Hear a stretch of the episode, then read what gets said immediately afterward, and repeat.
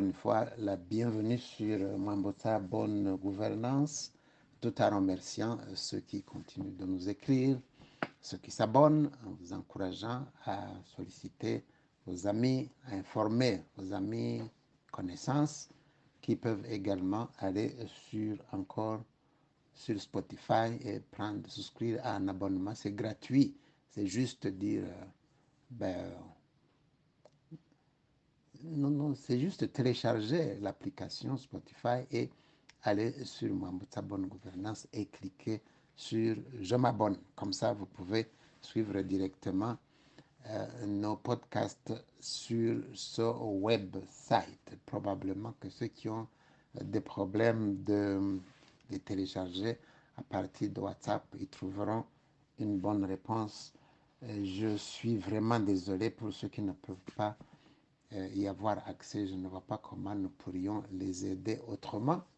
Et surtout ceux qui ont des problèmes de fiabilité d'Internet. Mais je remercie quand même ceux qui essaient ou qui tentent. Un jour, probablement, la technologie nous permettra d'aller beaucoup plus facilement, d'avoir accès à ces différentes plateformes. En attendant, vous pouvez continuer de suivre ces podcasts sur Encore, bien sûr, qui a fusionné avec euh, Spotify, et, web browser, Apple Podcast et X, ancien Twitter. Je remercie la personne également qui nous aide pour que ces émissions parviennent dans les conditions les meilleures. Eh bien, revenons encore une fois au Congo, la guerre au Congo, la guerre du Burundi, au Congo, l'immoralité euh, institutionnelle qui s'étend, qui s'institutionnalise euh, des deux côtés de la rivière Rusizi. Les troupes internationales se retirent et reviennent. On parlait des troupes euh, de la communauté est-africaine, communauté économique des pays de l'Afrique de l'Est, IAC, mais il y avait déjà les troupes de l'ONU. On annonce que les troupes de l'ONU pourraient se retirer également. Elles sont plus anciennes que les troupes de l'EAC, mais les troupes de l'EAC sont déjà en train de se retirer officiellement. Donc, les militaires des pays de la région qui seront au présent, sont au présent au Congo, ne le sont plus sous un mandat de. Qu'est-ce que cela veut dire? Je ne sais pas. Le tout est que les mêmes pays, par exemple, comme le Kenya, je pense probablement, le Burundi ne se retire et revient au nom d'un accord euh, commun entre, pas le Congo et le Burundi, entre les deux présidents, Neva et Tshisekedi. Bien. Sous quel mandat? Pour faire quoi? On ne sait pas. Avant cela, les troupes de la SADC, la communauté économique des pays de l'Afrique du Sud, d'Afrique australe, avant cela, elles étaient venues, elles étaient reparties et reviendraient, elles seraient en voie de revenir. Et certains pays vont revenir donc, officiellement se retirent sous le label de la communauté des pays de la communauté économique des pays de l'Afrique de l'Est pour revenir sous le label des pays de la communauté de l'Afrique australe. Allez savoir ce que ça change, allez savoir ce que ça changera. La question demeure. Ça fait des années. Maintenant, on raconte que les troupes de l'ONU devraient se retirer également. Bon. Au nom de quel mandat tout ce monde-là était-il là-bas? Comment est-ce qu'on peut avoir une telle accumulation de soldats.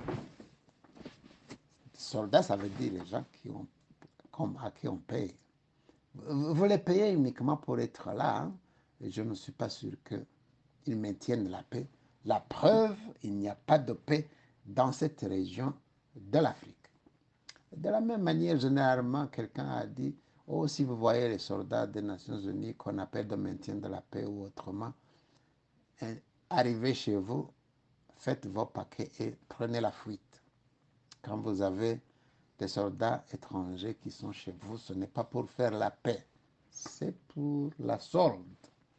Payez-moi, je reste chez vous et vous pouvez continuer de vous entretuer. De vous entretuer. Ça me donne des raisons d'être chez vous. Je caricature, je ne suis pas méchant, mais bon, on se demande si ce n'est pas réellement cela. Peu importe, ceux qui devraient faire la décision, ce ne sont pas les soldats, ce sont ceux qui les envoient. Et ils les envoient pourquoi? On se demande toujours. Maintenant, est-ce que la mission est accomplie pour ceux qui se retirent? Pour dire que la mission est accomplie, il faudrait d'abord savoir pourquoi ces troupes étaient là-bas. Alors, chacun y est allé de sa propre interrogation, de ses propres conjonctures, de ses propres équilibrations, équilibrations. Mais en réalité, il me semble que personne n'ose parler de la réalité. Comment ont-elles pu cohabiter? Parce que les troupes de l'EAC, les troupes de la CDAO, les, de la CAC, pardon, les troupes la CDAO, c'est la même chose, les troupes françaises, etc., etc., américaines, allemandes, sont là-bas dans le Sahel euh, de l'ancien Pierre Bouyoya, mon Dieu. On se demandait comment on a pu amener cette personne-là faire la paix dans une région comme celle-là, alors qu'il ne l'a jamais faite même chez soi. Peu importe. Mais comment les troupes qui, ont un mandat, qui sont sous mandat bilatéral, peut-être cohabiter avec des troupes sous mandat multilatéral, les uns combattant le génocide, ou tout au moins comme les Nations Unies, agissant au nom d'une organisation dont le rôle premier est de lutter contre le génocide, cohabitant avec des troupes d'une organisation raciste, terroriste et génocidaire, comme celle venant du Burundi, cohabitant avec des troupes alliées aux anciens génocidaires, ceux qui ont commis le génocide au Rwanda, qui se sont repliés au Congo, les troupes burundaises étant également alliées, non seulement au Congo, mais au Burundi également, puisque les ex-phares des Interahamwe participeraient directement à, seraient inclus dans des services de sécurité au Burundi, à l'armée, ou comme dans les services de renseignement ou de police, des choses de ce genre. Comment est-ce que tout ce beau monde peut cohabiter dans une région, dans un pays même grand appelé le Congo.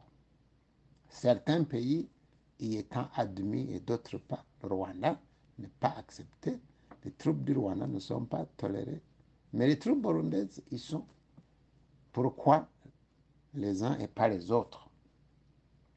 D'autres comme l'Ouganda, le Burundi, sont également présents euh, leurs troupes sont présentes, pas nécessairement à double titre d'ailleurs, à double casquette, importe beaucoup. Euh, ça devient une tradition. Ils ont des accords bilatéraux avec le Congo, mais ils ont également, ils sont là au nom des accords multilatéraux, c'est-à-dire au nom de la communauté des pays de l'Afrique dite de l'Est. Allez y comprendre quelque chose je ne vais pas beaucoup vous aider aujourd'hui. Maintenant, quel est le véritable mandat de toutes ces troupes? Mais pour avoir un mandat, il faut d'abord définir correctement le problème. De quoi s'agit-il? Si on regarde la configuration des pays de cette région, on constate qu'il y a un seul, un seul des trois pays, anciennes colonies de la Belgique, connaît aujourd'hui la paix, la stabilité et une croissance économique remarquable. Il s'agit du Rwanda. Mais le Rwanda est venu de loin. N'oubliez pas que le Rwanda a connu une présence militaire également qui s'est terminée dans le chaos.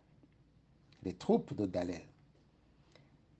Les Rwandais, le Rwanda d'aujourd'hui connaît la paix et la stabilité parce qu'ils ont compris, parce qu'ils savent qu'il y a quelque chose avec laquelle on ne blague pas, sur quoi on ne blague pas, qu'on doit prendre toujours au sérieux. C'est comme l'Europe d'après Hitler. Mais faut-il toujours connaître la catastrophe pour comprendre? C'est vrai, En Kirundi, on dit, ben, vous craignez la forêt parce que vous y avez rencontré. Vous craignez pas la forêt, vous craignez surtout ce que vous avez rencontré là-bas. L'Europe, c'est ce que c'est le nazisme.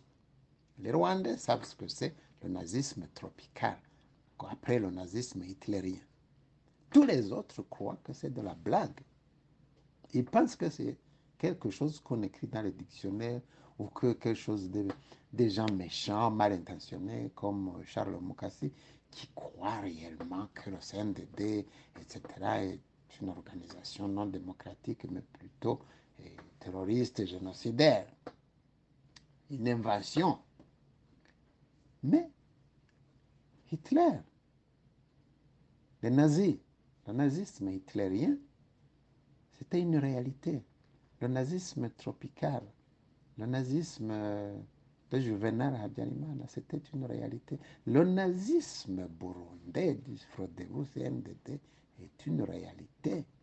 Maintenant, il s'étend au Congo pour combattre, dit-on, les nilotiques. Ça s'écrit, ça se dit au grand jour, et le chef de l'État à qui on adressait ce, cet accueil, cette invitation à combattre les nilotiques, il préside, tenez-vous bien, il préside la réunion des chefs d'État de la communauté économique des pays de l'Est, de l'Afrique de l'Est.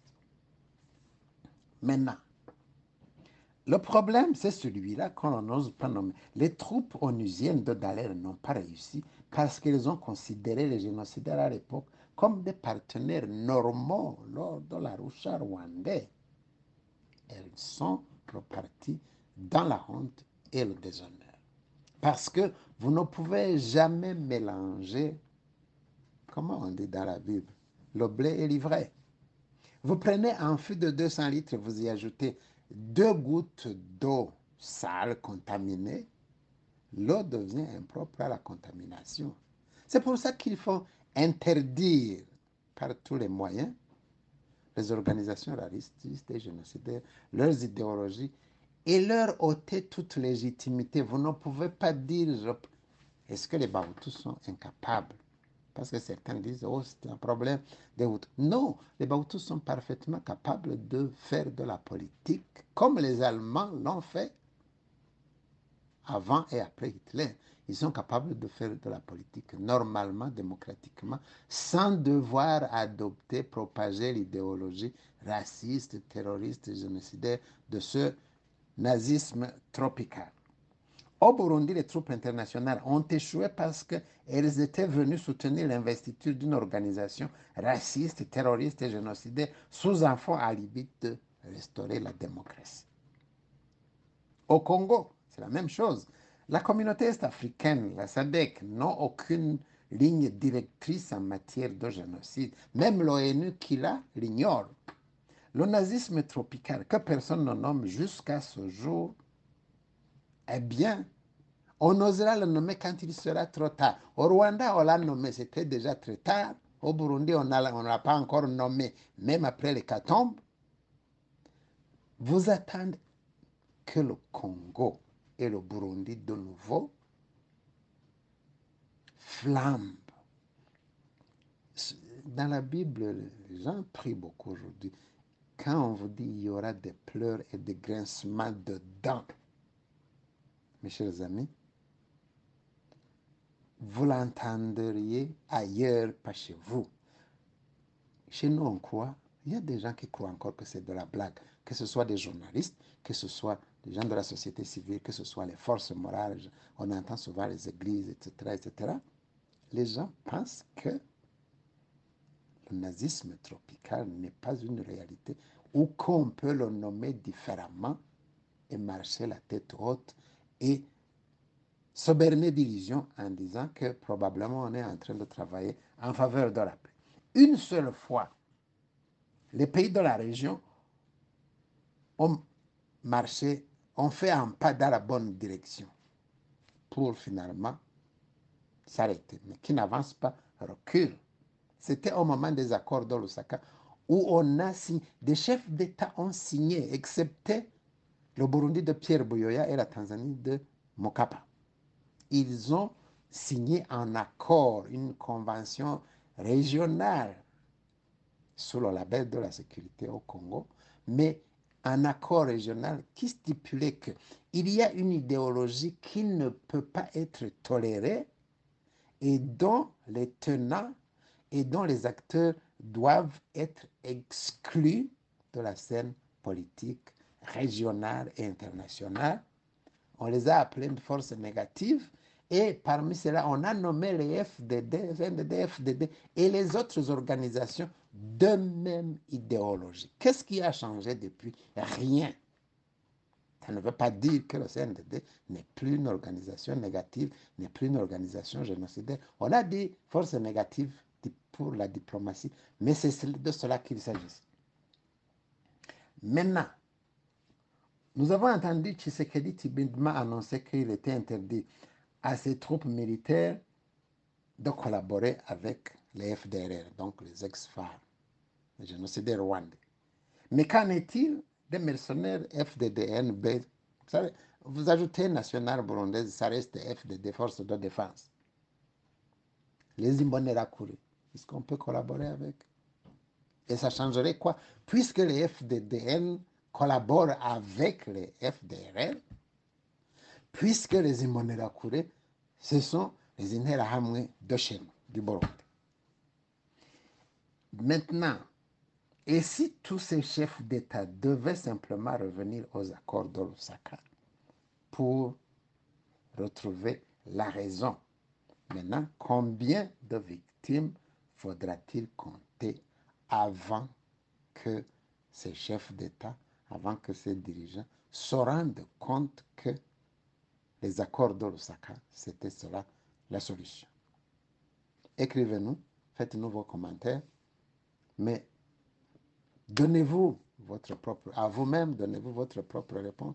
Pensez-y, demandez-vous pourquoi tout ce monde-là refuse de dire, de nommer les choses, d'appeler les choses par leur nom. Pourquoi les gens refusent de promouvoir le plus jamais ça? Pourquoi les gens ne veulent pas nommer les choses par leur nom et appliquer le droit? À la prochaine.